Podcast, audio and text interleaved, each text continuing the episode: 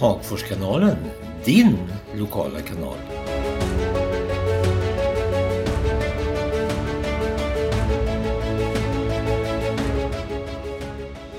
Ja, i dagens podd ska ni få träffa Rickard Björn som är ny kommunchef i Hagfors. Hej Rickard! Nej, hej Lars-Erik, hej! Du är ny. Hur har det känts första tiden?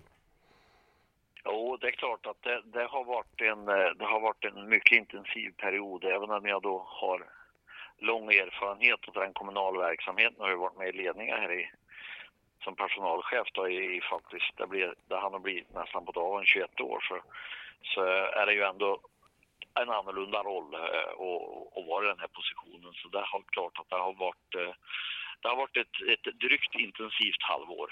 Så är det. Om vi ska börja från början, vem är Rickard Björn? Ja, Rickard Björn är, fyller väl 53 här i augusti. Eh, han, är en, han är väl eh, Hagforsare ifrån, ifrån begynnelsen, eh, gått grundskola och gymnasium här i Hagfors. Eh, gick vidare sen till dåvarande högskolan, nuvarande universitetet i Karlstad och läst förvaltningslinjen eh, och eh, kom väl hem nästan direkt efter det. Har väl jobbat en, en eh, vad blev det, en sex, sju månader tror jag det blev.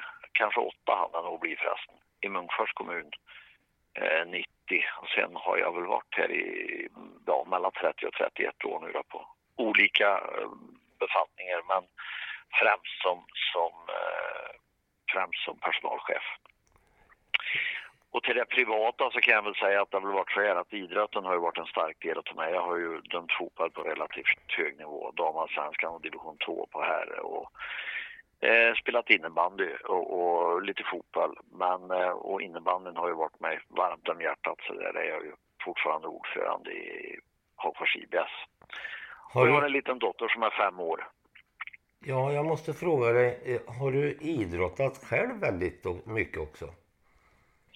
Ja, jag höll väl på med fotbollen upp till junioråldern. Där var jag väl ingen stjärna i. Jag var väl något bättre att spela innebandy. Jag stod ju i mål innebandy väldigt länge då. Så att eh, jag var väl det sista inhoppet tror jag hade när jag var en 47 år eller något. Så att eh, jag höll på med, med innebandyn har väl varit det som en höll högst klass i som aktiv själv. Jag måste fråga dig, eftersom jag är lite nyfiken. När började innebandyn i Hagfors? Ja, det är så här att eh, visst innebandyn i Hagfors startade med det som heter Hagfors IF som idag är en, en damflickförening då. Startade vi 85. Eh, sen drog ju jag till Karlstad eh, strax därpå och läste och när jag kom hem tillbaka så var vi så många utövare så då startade vi en förening till då. Eh, då, då vi startade Hagfors IBS och sen har ju vi eh, under årens lopp samarbetat så att eh, vi har ju gått över, nu är det väldigt många år sedan som vi gjorde upp att Hagfors IF har, har eh, flick och damsidan och vi har pojk och herrsidan i Hibstad. Så att eh, det har varit med länge. Hagfors har ju varit en, en, aktiv, väldigt aktiv idrottskommun. Som man ser tillbaka så har vi haft ett eh, lag i högsta serien i ishockey. Bandyn har varit bra. Fotbollen var ju uppe i högre divisioner. Eh, även om inte den är det idag. Eh, högsta serien i speedway också. Och eh, nu är det väl innebandyn som är den som är i högsta serierna. Ja, det är ju så att, att eh, uh, IF, damerna, de är ju allsvenskan nu. Det är ju näst högsta serien eh, där då. Vi är väl i division 1 i tredje högserien då i, i, i innebandyn med herr. Eh, så, så har vi ju bågen, våra duktiga bowlare som är skapligt högt upp också. Då. Det, är väl, det är väl det som är längst upp. Så hoppas vi vill att valsarna ska kunna ta ett, ett steg här. Det, jag vet ju att de, de jobbar hårt för att de ska kunna ta en, en gå upp en, en, eh, en position till fram på här. Jag mm. hoppas på det. Vad gör en kommunchef? Ja du Lars-Erik, vad är en kommunchef? Om vi tar en podd som tar en tre timmar så kanske vi kan utreda det. Men om vi ska, om vi ska försöka att sammanfatta det något kortare än så då, så är det väl så att det är klart att kommunchefen får ju lov att att ha eh, politikens öron. Det är ju ett väldigt nära samarbete med, i, som det är nu för oss, är det ju Jens som är kommunstyrelsens ordförande. Eh, vi har ju dagligdags kontakter, förbereder olika sammanträden med de ärendena som politiken vill ha upp. Eh, och, ska vi säga, och sen är det ju så här, är klart, det handlar ju om övergripande led vår förvaltning också då, med tusen anställda. Och till min hjälp där har jag ett starkt lag då, med, med avdelningschefer, som är de närmaste cheferna, som jag har då. Sen har ju de i sin tur personal, för det är klart vi omsätter en 1020 personer, eh, 1040, det rör sig någonstans däremellan som är tillsvidareanställd. Så det är en, eh, det är en gigantisk diverse handel som vi ska försöka tillhandahålla god service till våra medborgare på med väldigt mycket olika områden. Mm. Och sitta som kommunchef, eh, det är att sitta på mittemellan en massa stolar. Hur, hur, hur gör man det? Ja, det är ju så här att det är klart att, att eh, eftersom man ytterst blir den som är ansvarig för, för förvaltningen så är det klart att, att där handlar det om hela tiden och, och se vad det är möjligt att genomföra och vilka tidshorisonter har vi och samtidigt då ha politikens öra, den lokalpolitikens. Sen ska vi ju veta att det är så här att vi pratar ofta om det lokala självstyret och tänker att våra politiker i fullmäktige kan ta i princip vilket beslut som helst om, om verksamheten. Så är det ju inte i realiteten. En viss mått har vi ju, men vi vet ju också att staten styr ju våra verksamheter ganska hårt. Vi har ju, rätt, vi har ju mycket lag, lagar och förordningar och även riktade statsbidrag eh, till, till verksamheterna som gör att staten ser till att man styr för att få någon form av likriktning på, på den kommunala verksamheten. Så att det är en, det är en komplicerad materia när vi tittar på hela den här delen. Hur ser du på uttrycket Låt landsbygden leva? Ja, jag tycker ju faktiskt att eh, se, jag har ju känt så här och det har man väl gjort om man har jobb i, i offentlig, kanske framförallt kommunal verksamhet så länge som jag har gjort det, så har vi ju sett, vi har väl ganska ofta tyckt att, att staten eh, kanske inte kompenserar landsbygden riktigt. Nu tycker jag väl faktiskt att staten har, jag vill säga under coronan här har vi blivit väldigt kompenserade för det merkostnader vi har haft. Kanske till och med överkompensera. Och det tror jag aldrig jag har saknat under 30 år i kommunal förvaltning förut. Eh, och så ser vi väl faktiskt att det senaste skatteutjämningsbeslutet som togs i, i riksdagen, det har ju vi haft väldigt, väldigt gött att ta. Eh, så jag tycker mig ändå skönja en, en, ett större intresse ifrån statligt håll för att det du, det du såg skulle vara, bli en realitet. Att landsbygden ska ha en möjlighet att leva. Jag tycker det ser något bättre ut än det har gjort i alla fall. Och då lägger jag inget politiskt perspektiv på det, men lägger ett tjänstemannaperspektiv på det. Det är ju så att som kommunchef så får du leva med olika styren. Nu är det OR, oberoende ja. realister. Förut så var det Socialdemokraterna i många år. Men du får sitta som en neutral punkt mellan de här. Mm, mm. Ja, så är det Så är det hur känns det? Det var det jag pratade om, olika stolar och så vidare. För det kan skifta snabbt i en kommun. Ja, det kan det göra. Det kan det göra. I regel är det väl så att i flest kommuner så skiftar det väl ofta vid ett, vid ett val. Sen kan det ju hända saker under en mandatperiod också. Jag ser väl, jag, jag, jag som har jobbat ganska länge i den här kommunen har ju haft väldigt mycket samarbete med S-politiker förut och har med OR nu då.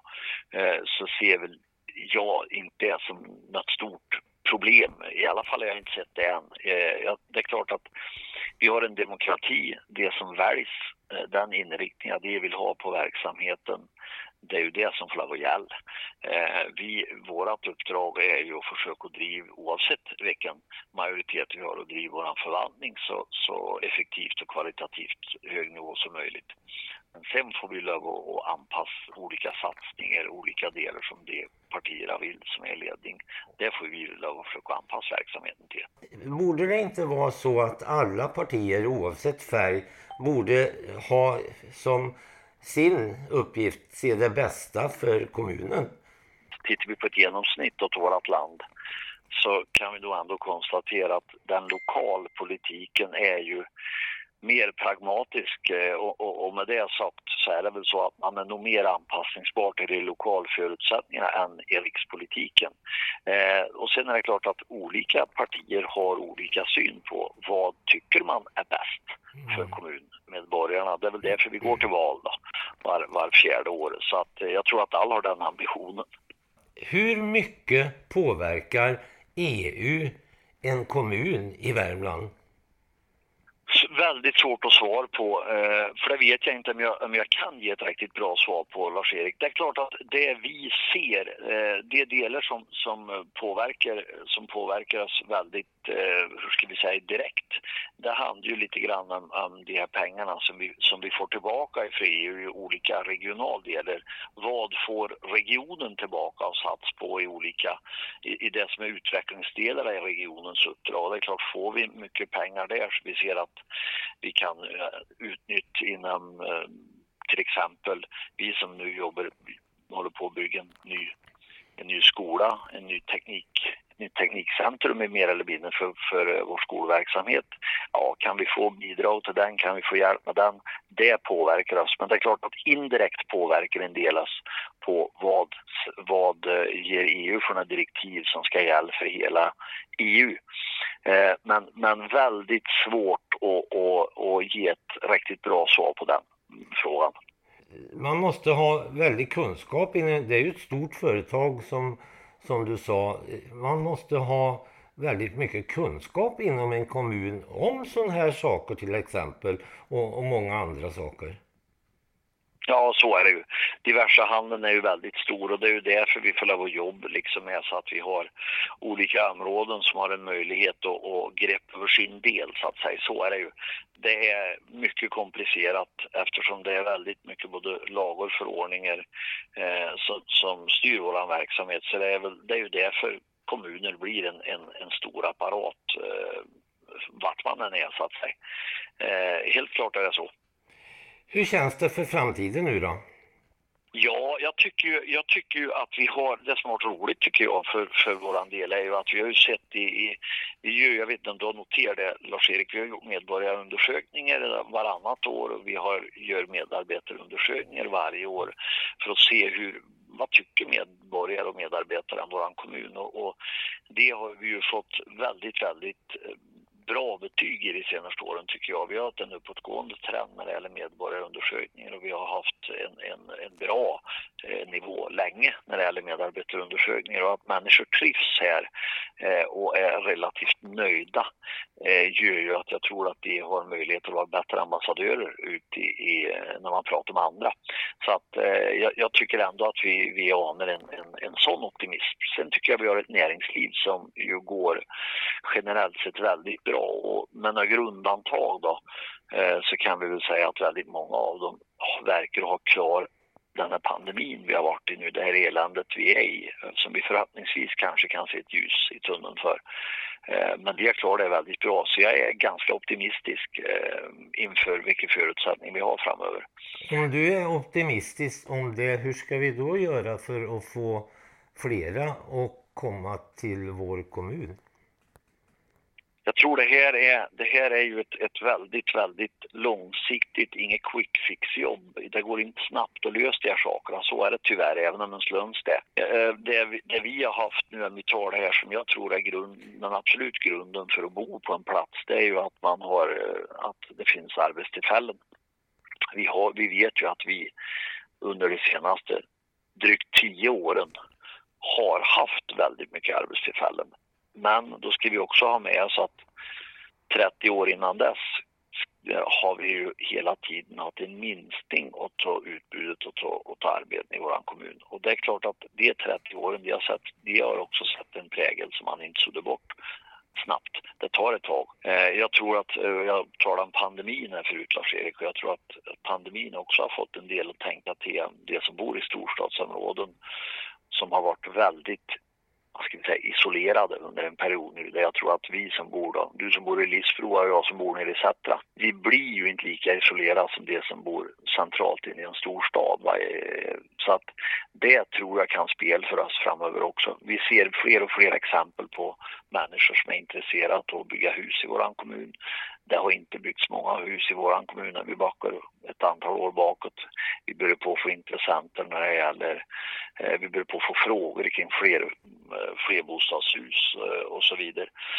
Och det gäller ju för oss att ha en, skapa en så attraktiv miljö som möjligt så att människor vill bo här. Mm. Det är sista april idag när vi gör den här intervjun och den här kommer ut på söndag. Vad ser du framåt i tiden för din del framåt i tiden? Inte nu med kommunen och så vidare. Ja, om jag går ner på ett mer personligt plan så är det så att, att eh, jag har ju, jag har väl eh, vi flyttade för ett år sedan, jag och min sambo och, och vår lilla dotter. Så vi, vi flyttade till ett nytt hus. Vi håller väl på lite grann där. Vi har kommit ganska långt. Men det är väl lite sånt fix och trix hemma. Det kommer det att behöva bli när vädret tillåter det här. Eh, sen hoppas jag väl Lars-Erik, du var ju in på det här med pandemin. Eh, jag har väl i princip varit isolerad här har det känts i, i vår kommun, vilket jag tycker är väldigt trevligt i många avseenden. Men det skulle vara roligt med lite, lite miljöombyte och, och, se någonting annat, och ladda, ladda lite batterier. Så jag hoppas att vi kan få röra oss något framöver, även om vi får vara väldigt, väldigt ödmjuka inför när det går. Jag hoppas också på det att vi får resa och, som vi har gjort förut. Och jag tackar för ett trevligt möte Rickard och på återhörande. Tack så mycket själv Lars-Erik. Det var trevligt att ta de här minuterna. Ha det bra. I dagens podd fick du träffa Rickard Björn. Jag heter Lars-Erik Olsson och tekniken har Peter Åkerström tagit hand om. Om en vecka är vi förhoppningsvis tillbaks igen. Och tack för att du har lyssnat. Hej då!